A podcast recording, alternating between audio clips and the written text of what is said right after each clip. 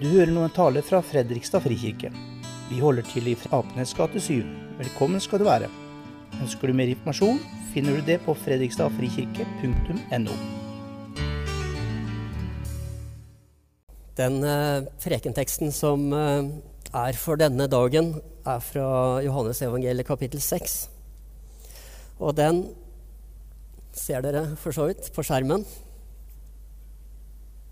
Det er Ånden som gjør levende. Kjøtt og blod duger ikke. De ordene jeg har talt til dere, er ånd og liv. Men det er noen av dere som ikke tror.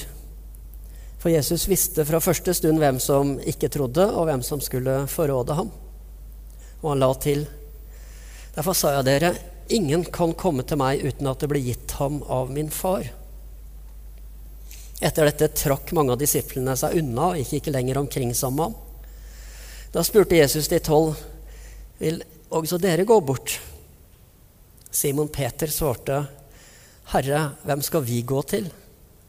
Du har det evige livsord, og vi tror og vet at du er Guds hellige. Vil også dere gå bort? Et spørsmål som eh, Jesus stiller altså den siste gjengen som er med han, etter at mange andre har gått. Og jeg tror det er ikke vanskelig for oss å sette oss litt inn i den situasjonen og forstå den. Fordi at vi lever jo i en tid hvor mange går bort fra Jesus, går bort fra Gud, som uh, slutter å tro. Um, og det kan hende at vi kan tenke Skal jeg òg finne en annen vei? Skal jeg fortsette å følge Jesus? Um, og jeg tror det finnes noen ting uh, som vi vil møte, eller som vi opplever som gjør at vi kan få lyst til det. Som at uh, Skal jeg bli identifisert med den gjengen der? Jeg tenker sånn Noen ganger når jeg ser på TV, må jeg innrømme. Eller liksom, når jeg ser kristne og hva de sier og hva de gjør, og hvordan de framstår, noen av dem, så tenker jeg at å nei, skal jeg liksom regne som en av dem? Og Den siste uka så har det vært flere sånne ting som har skjedd. På, mange av dere har, sikkert, har sikkert, fått eh, på, sett på, på, Facebook eller sånn eh, et klipp av eh, Paula White. Paula White er den åndelige veilederen for president Donald Trump. Hun, eh, og det går et klipp som en, en, bønn som hun har nå, hatt nå en, en av de siste dagene, der hun virkelig snakker om å strike them, strike them, strike them, strike them. Og hun ber mot de demoniske kreftene som holder på å skulle overta USA. Og hun tilkaller englene fra Afrika og englene fra Sør-Amerika som skal komme og slåss i den åndelige striden for Donald Trump. Og jeg må si at når jeg ser sånn, tenker jeg hvor mye går det an å misbruke tro og bønn? Eh, når blir bønn egentlig blasfemi? Dette er fryktelig vanskelig å forholde seg til. Eller når man ser eh, Det har gått en, eh, en, dokumentar på NRK denne uka her om uh, Brunstad Christian Church, om, om, sosial kontroll og sånne ting. Og det kan godt hende at den er ensidig, men det er fortsatt sånn at man tenker å nei, er dette oss? Eller litt tidligere i høst så gikk dokumentaren om det som skjedde i Knutby. Som var jo forferdelige ting som fikk utvikle seg i en bitte liten menighet i en liten by liten bygd i Sverige som førte til både drap og utestengelse og, og misbruk av mennesker på alle måter. Og jeg tenker, hvorfor altså, Går det an å identifisere seg med disse folka? Oss, vi kristne. Og Kanskje er det sånn at man tenker kanskje jeg heller skal tre meg, tråk, gå noen skritt til sida her. Jeg kan skjønne at folk går bort. Jeg kan skjønne at folk sier at hvis, hvis kristendommen er sånn, så, så, er ikke det noe sted for meg. Men jeg tenker de går bort ikke pga. Jesus, egentlig. Det er ikke Jesus som er problemet for de fleste folka i dag, men det er kanskje alt rundt. Alt styret, alt støyen. Men jeg tror også mange går fordi de ikke syns de trenger Jesus. Han passer ikke inn lenger i, i livet vårt. Hva, hva, skal vi med han? han er en, Jesus er en fin fyr, men uh, trenger jeg han egentlig? Harald Eia han hadde en, uh, hatt en TV-serie med forskjellige ting som nordmenn gjør og ikke gjør. Og blant annet hvorfor, hvorfor slutter vi å tro på Gud? handla et program om. Og han uh, mente at hovedgrunnen lå i egentlig velferdsstaten. Altså Vi blir sørga for fra, fra, fødsel til grav. Vi har alt det vi trenger. Vi har så mye trygghet. Trenger vi da egentlig Gud? Hvis eh, vi får alt uten Han? Eh, Harald Eia har blitt ganske mye kritisert i etterkant fordi at det også var for ensidig måte å se det på. Men, men han har jo et poeng. Jeg tror han har et poeng for veldig mange mennesker. At grunnen til at de føler at de trenger ikke Gud og Jesus, er at de har det jo bra. De har det jo trygt. Hva skal vi da med Gud? I den teksten vi leste, så er det folk som blir kraftig provosert av Jesus sjøl, som gjør at de slutter å gå sammen. Det er ikke alt rundt omkring, men det er Jesus selv når han snakker om hvem han er. Og Hvis vi hadde lest dette kapittelet, kapittel 6 i Johannes evangeliet, så snakker Jesus om at han er livets brød, som har kommet ned fra himmelen, og at den som spiser det brødet, skal ha evig liv. Og han gjør seg på mange måter til ett med Gud når han snakker om det. Om ikke det er nok, så kommer han og snakker om at, eh, at man må spise hans legeme og drikke hans blod. Og da tenker jeg liksom nå, nå, begynner det å gå rundt for den fyren her, tenkte sikkert mange. I evangeliet her så er jo det en henvisning til nattverden. Det er nattverden det egentlig er snakk om. Men mange her sa at uh, dette er harde ord. Hvem kan høre på slikt? Han sa det altså i synagogen i Kapernaum, står det. Og der han holdt denne talen. Men det gikk egentlig inn i kjernen av hva det egentlig handler om, hvem Jesus er når Jesus sier 'Jeg er livets brød'. Den som spiser meg, får det evige liv. Jeg er Guds sønn. Jeg er lik Gud. Jeg, det at han gjorde seg selv lik Gud, var jo hovedanklagen mot Jesus. Grunnen til at de måtte rydde han av veien. Men altså Jeg tror dette er en reell situasjon. At man virkelig får møte Jesus som han er, og så blir man stilt på valg. Vil du ha meg eller ikke? Vil du tro eller ikke? Mens i vår tid så er det veldig mye av støyen rundt det handler om, som egentlig hindrer folk i å komme fram til Jesus og se hva det egentlig gjelder, hva det egentlige spørsmålet er.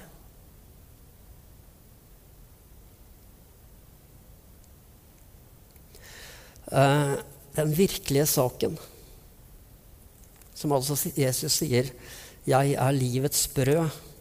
Den som kommer til meg, skal ikke hungre, og den som tror på meg, skal aldri tørste.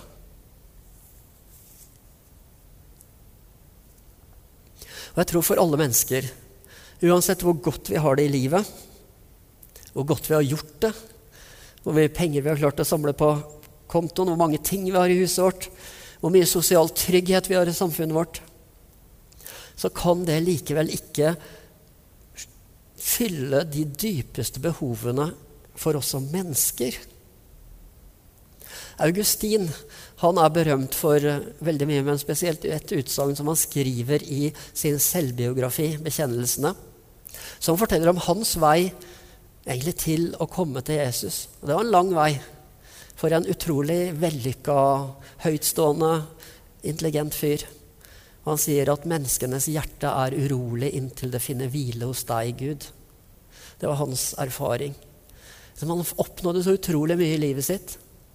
Og likevel så var det alltid noe han søkte videre, noe han ikke falt til ro med.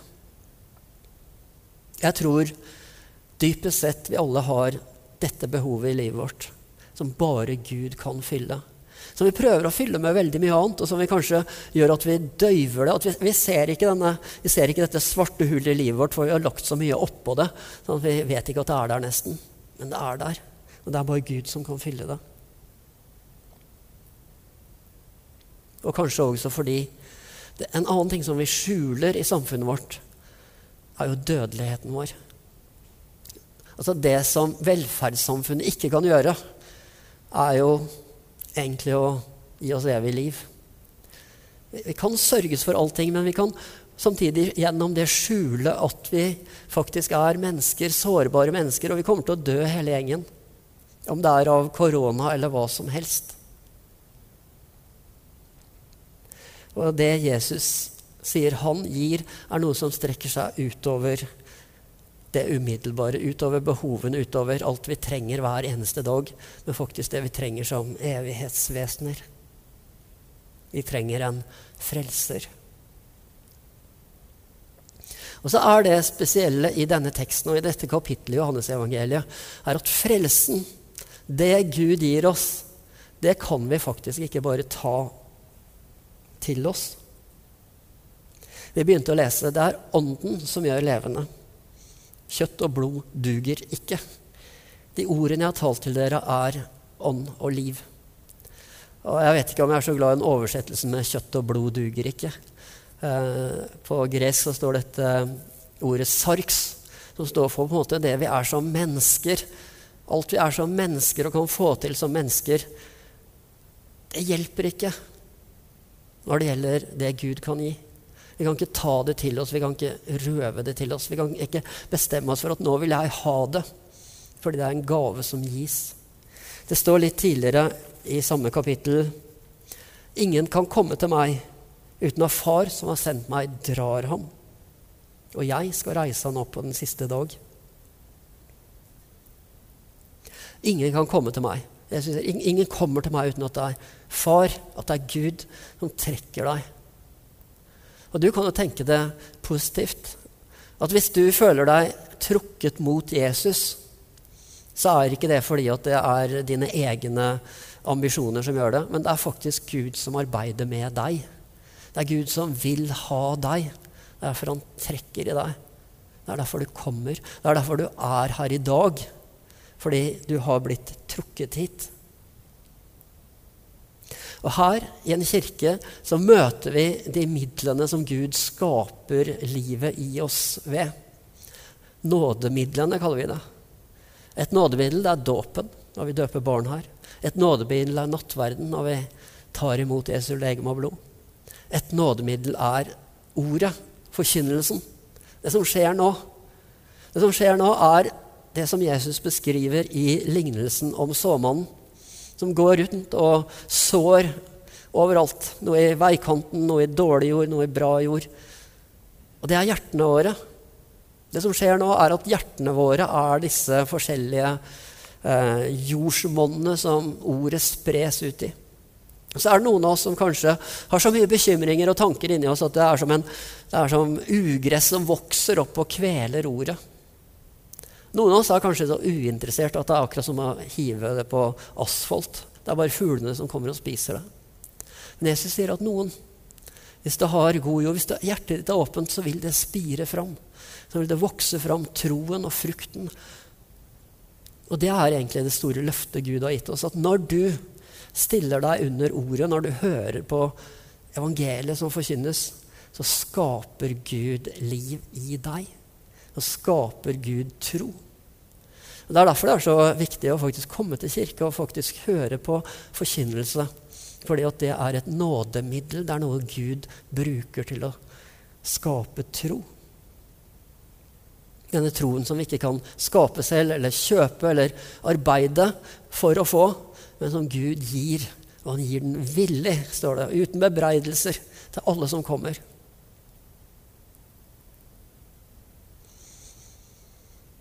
Og så er også det, i dette vers, eh, kapittelet, det vi har lest Det siste spørsmålet vil også dere gå bort. Og Peter sier, 'Hvor skal vi gå?' Du har det evige livsord. ord. Vi vet og tror at du er Guds hellige. For selv om det er mange grunner til å gå, så er det noen enda sterkere grunner til faktisk å bli. Jeg har lyst til å si litt om hvorfor. Hvorfor jeg vil tro, hvorfor jeg vil bli hos Jesus. Til tross for noen frustrasjoner med hvordan ting kan oppleves. For noen år siden så gikk det en film på kino som het 'Om guder og mennesker'. Noen av dere har kanskje sett den. En veldig sterk film. Handler om noen trappetistmunker, altså katolske eh, munker som bodde i fjellene i Algerie. Brukte livet sitt til å gjøre det gode oppe i fjellandsbyene der.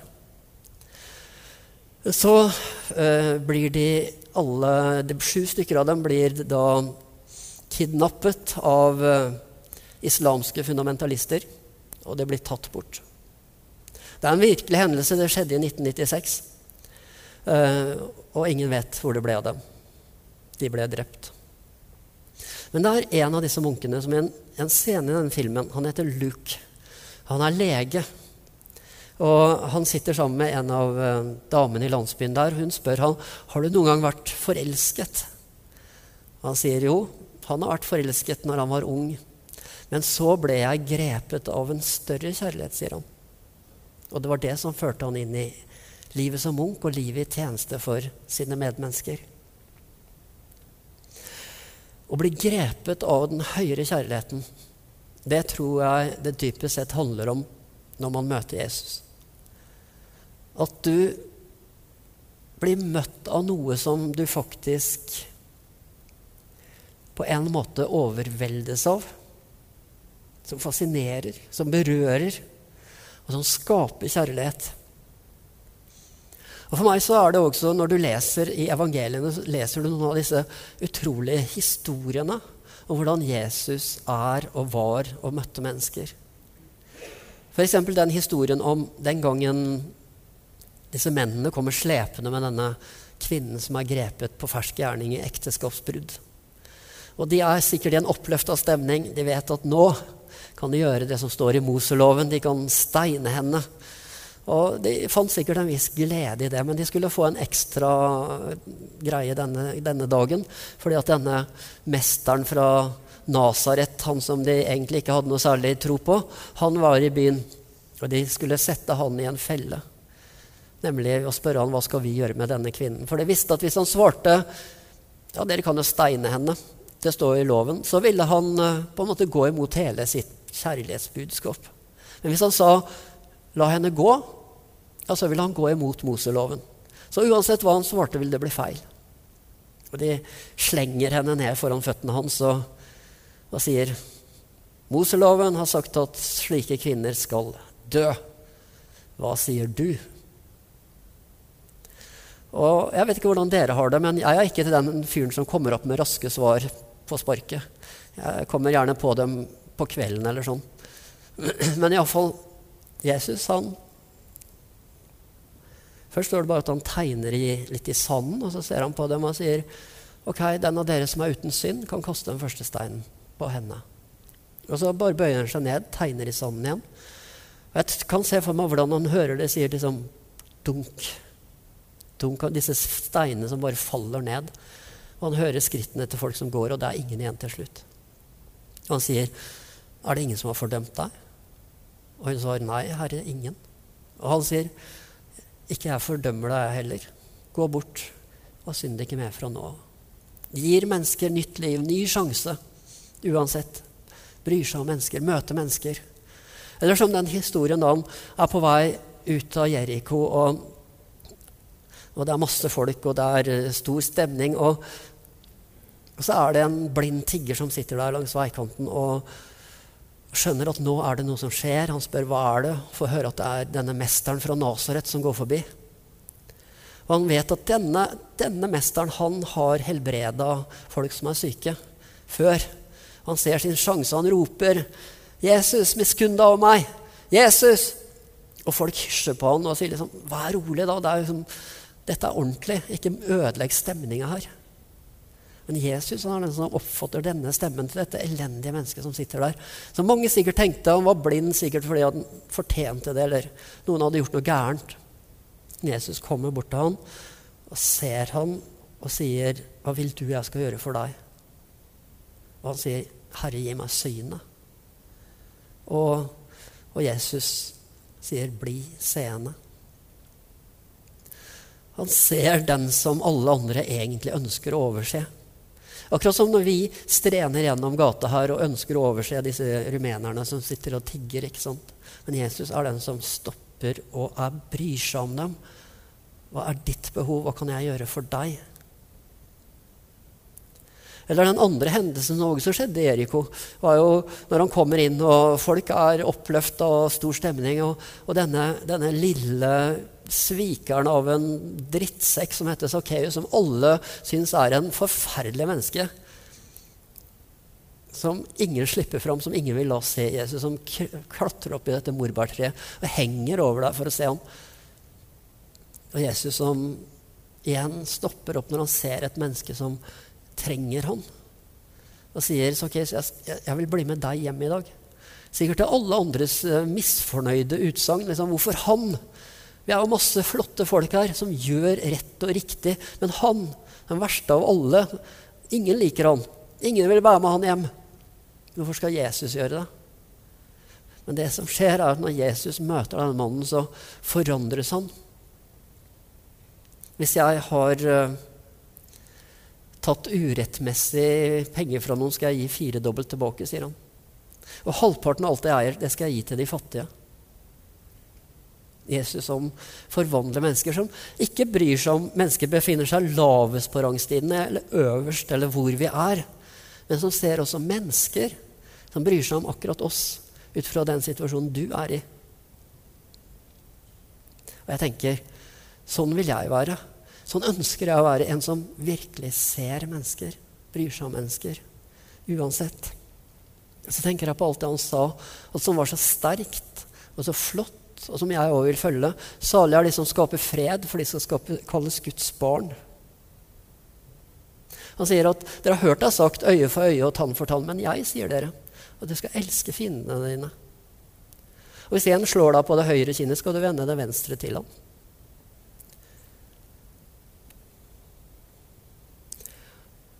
Du skal elske ikke bare din neste, du skal elske din fiende. Og du skal ikke dømme, fordi da skal du heller ikke selv bli dømt. Og du skal ikke se flisen i øyet til broren din når du sjøl går rundt med en bjelke i ditt eget øye.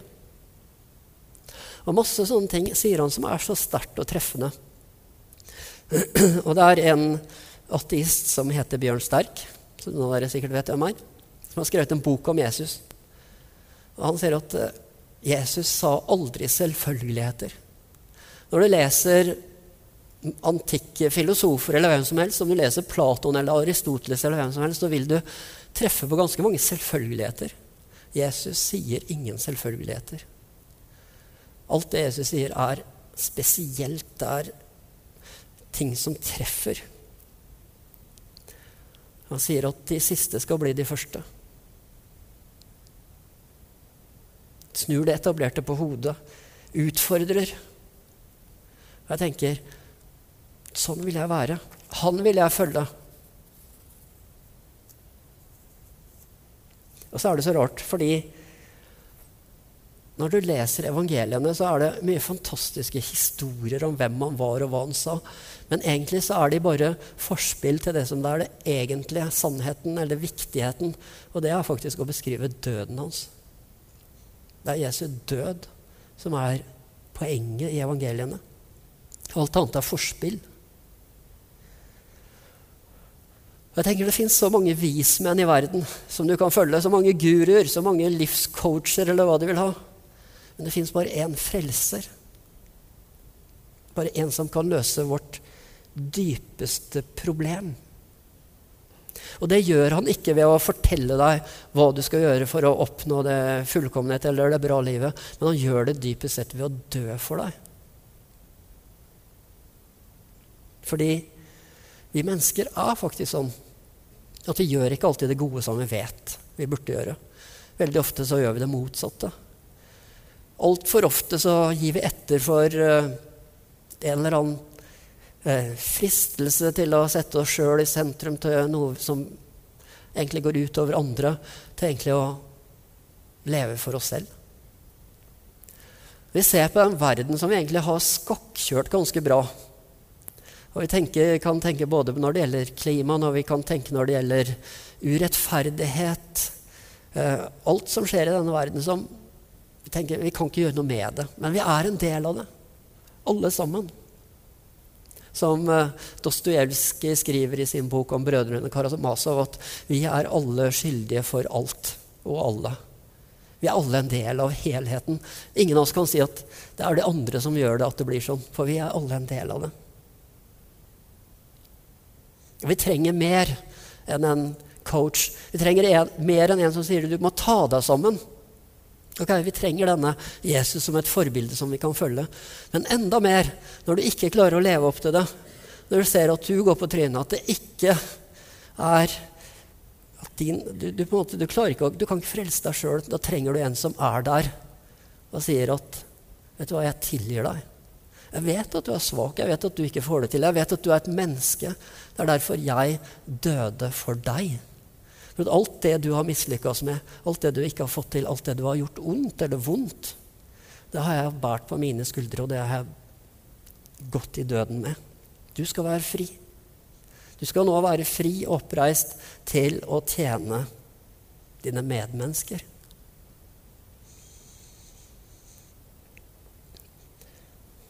Og så er det det som evangeliene slutter med. At Jesus faktisk beseirer døden. Og ingen andre gjør det. Og vi kan jo si at vi kan slå oss til ro da, med at livet er ikke mer. Vi skal gjøre det mest beste ut av det, så dør vi, og så er det ferdig med det. Men av en eller annen grunn har mennesket aldri klart å slå seg til ro med det. At det er sånn det er. At vi aldri skal se våre kjære igjen. At, aldri, at det vi gjør, egentlig aldri betyr noe. For vi kommer alle til å dø, og så er det ferdig med det. Men denne dype troen og lengselen som ligger i nesten alle mennesker, til alle tider, om det er noe mer. At det er en der. Og Jesus er den som bryter dødens makt og sier, 'Ja, det er noe mer. Det finnes en oppstandelse. Jeg har brutt dødens makt, og du skal få følge meg inn i det evige liv. Inn i Guds rike.' Og jeg tenker, når, når Peter sier, 'Hvem skal vi gå til? Du har det evige livs ord.' Jeg tror ikke Peter skjønte alle disse tingene, for var ikke, Jesus var ennå ikke død. Jesus var ennå ikke oppstanden. Han hadde bare møtt han som, som den fantastiske læreren. Men likevel, vi som ser enda mer Jeg tenker, kan du si noe annet enn 'Hvor skal jeg gå hen?' Det er jo du som har det evige livs ord. Det er du som har brutt dødens makt.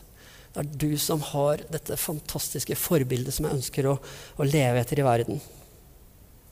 Du har det evige livsord. Og det tenker jeg er eh, det jeg har lyst til å si til oss alle, og hvor vi kan uh, fortsette å gå uh, på veien uh, gjennom livet, men mot korset og Jesu følge.